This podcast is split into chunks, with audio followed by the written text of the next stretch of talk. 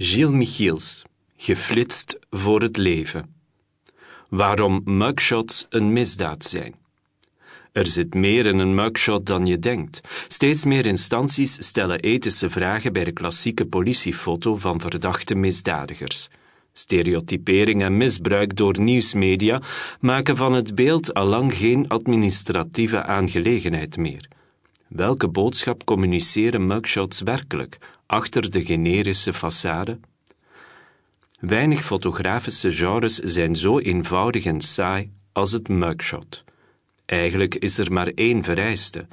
De gearresteerde moet herkenbaar in beeld komen. Al de rest ligt met voorbedachte raden vast. Het opzet, een portret van een beschuldigde.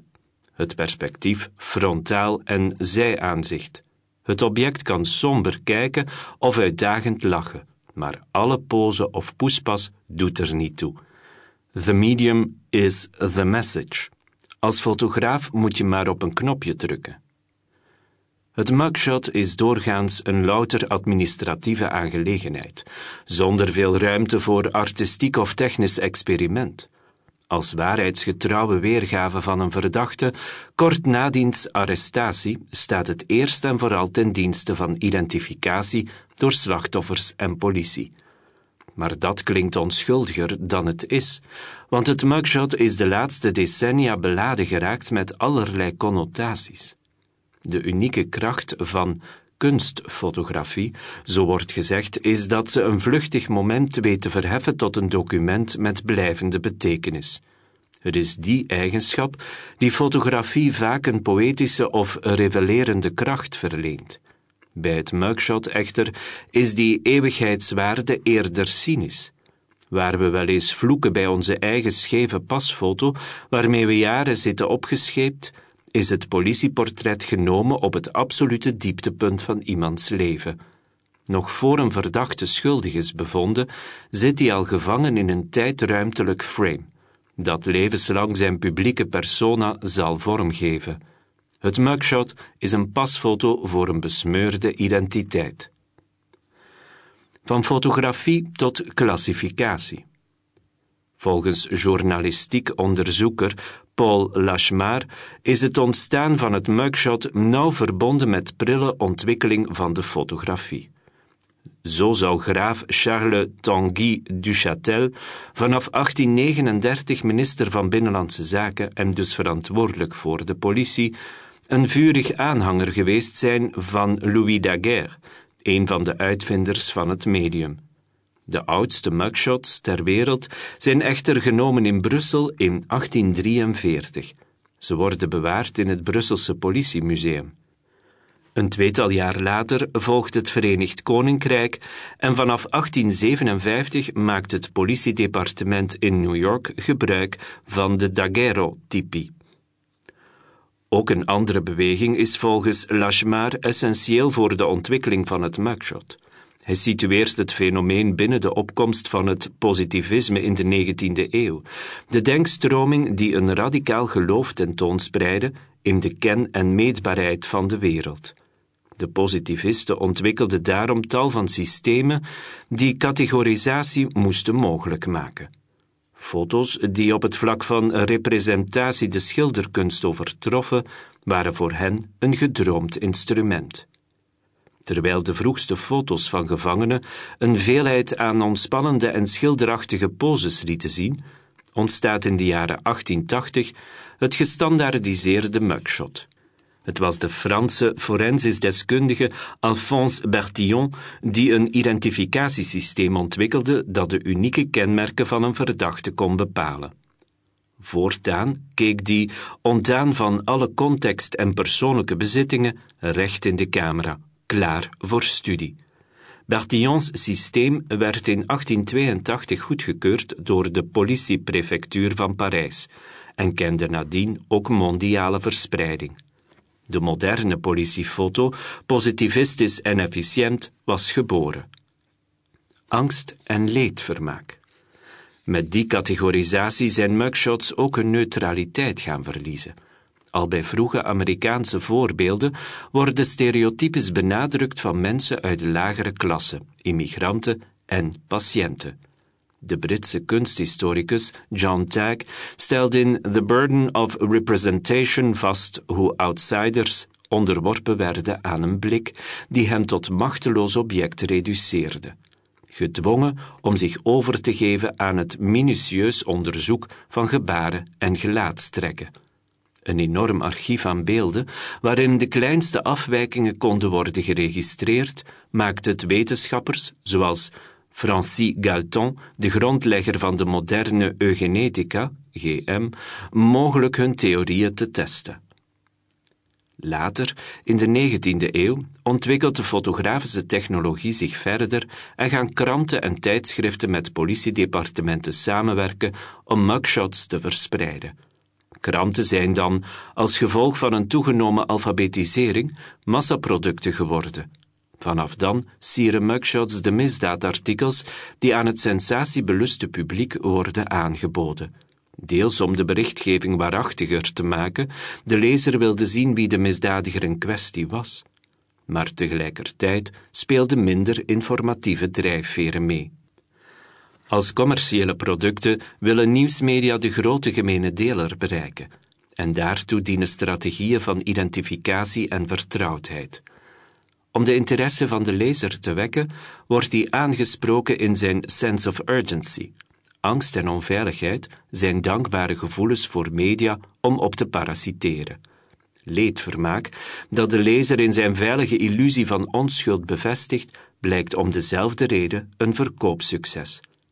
Het verklaart waarom mugshots van celebrities zoals Hugh Grant, Justin Bieber, Paris Hilton en Lindsay Lohan zo gretig worden gedeeld. Listige ondernemers zien zelfs een lucratieve business in het verkrijgen en verspreiden van mugshots, die slechts na betaling door de geportretteerde worden verwijderd. Nu de foto's massaal in tabloids en op sociale media circuleren, is hun betekenis een stuk complexer geworden. Het mugshot is gaan fungeren als een moderne schandpaal, zegt criminoloog Phil Carney, waarbij het lichaam overgeleverd wordt aan de bestraffende blik van het publiek. Carney ziet de foto's niet langer als identificatieinstrument in de oorspronkelijke betekenis, maar als doel om misdadigers te herkennen of als communicatieinstrument, bedoeld om een boodschap over te brengen. Veeleer zijn het performatieve krachten geworden, die een gebeurtenis mogelijk maken. Ze creëren een stigma en een gevoel van onderwerping aan wet en politie, maar ook een nieuwe vorm van identificatie. Het publiek kan er zichzelf herkennen als niet-misdadiger of potentieel slachtoffer. De constructie van de ander. Mugshots, beargumenteert Lachemar, creëren zo de idee dat criminelen anders zijn dan de rest van de samenleving. Ze staan ons toe een beeld te vormen van de ander, besmet door het 19e-eeuwse verlangen naar categorisering. Daarbij moeten vaak dezelfde groepen het ontgelden. Een treffend voorbeeld geeft de satirische website Boing Boing, die de misdaadberichtgeving van een lokale krant uit Iowa onder de loep nam. Op twee dagen tijd publiceerde die twee soortgelijke artikels. Telkens was een groepje mannen opgepakt voor lokale overvallen. Wat verschilde was de huidskleur van de gearresteerde en de foto bij het artikel. Waar het eerste stuk drie witte mannen toonde, gebeurde dat aan de hand van een foto uit een jaarboek. De heren dragen een kostuum en das. Het tweede stuk toonde drie zwarte mannen, treurig starend in mugshots. Zo lijken ze bij voorbaat schuldig, terwijl de anderen zich op hun paasbest kunnen tonen. Het voorbeeld is exemplarisch voor de onevenwichtige representatie van misdaad in de media. In 2014 werden, volgens cijfers van de FBI in de Verenigde Staten, bijna 9 miljoen mensen opgepakt. 69% daarvan was wit, 28% zwart, 2,6% van de gearresteerden had een andere etnische achtergrond. Uit mediaonderzoeken van Mary Beth Oliver en het duo Travis Dixon en Daniel Lins bleek echter dat Afro-Amerikanen oververtegenwoordigd werden als dader, maar ondervertegenwoordigd als slachtoffer. Ook de weergave van het dader- en slachtofferschap bij vrouwen zou niet in overeenstemming zijn met de realiteit. Op die manier voeden media negatieve ideeën en stereotypes. Sociologe Alaina R. Farni stelde in haar thesisonderzoek een soortgelijke misrepresentatie vast bij mugshots. In haar studie van verschillende kranten vond ze minder mugshots van witte verdachten dan van verdachten uit andere etnische groepen, terwijl de misdaadcijfers het omgekeerde patroon veronderstellen. Volgens meerdere onderzoeken die ze aanhaalt, blijkt ook bij slachtoffers de etniciteit een belangrijke voorspeller van prominente media-aandacht. Zo wordt de aanwezigheid van witte slachtoffers consequent gevolgd door een hoger aantal woorden, meer artikels en meer voorpagina's dan voor Afro-Amerikaanse of Latijns-Amerikaanse slachtoffers. Voor veel lezers zijn massamedia de eerste of zelfs enige informatiebron als het over misdaad en misdaadbestrijding gaat. Journalistieke keuzes, zoals het plaatsen van mugshots, zijn daarom allerminst neutraal.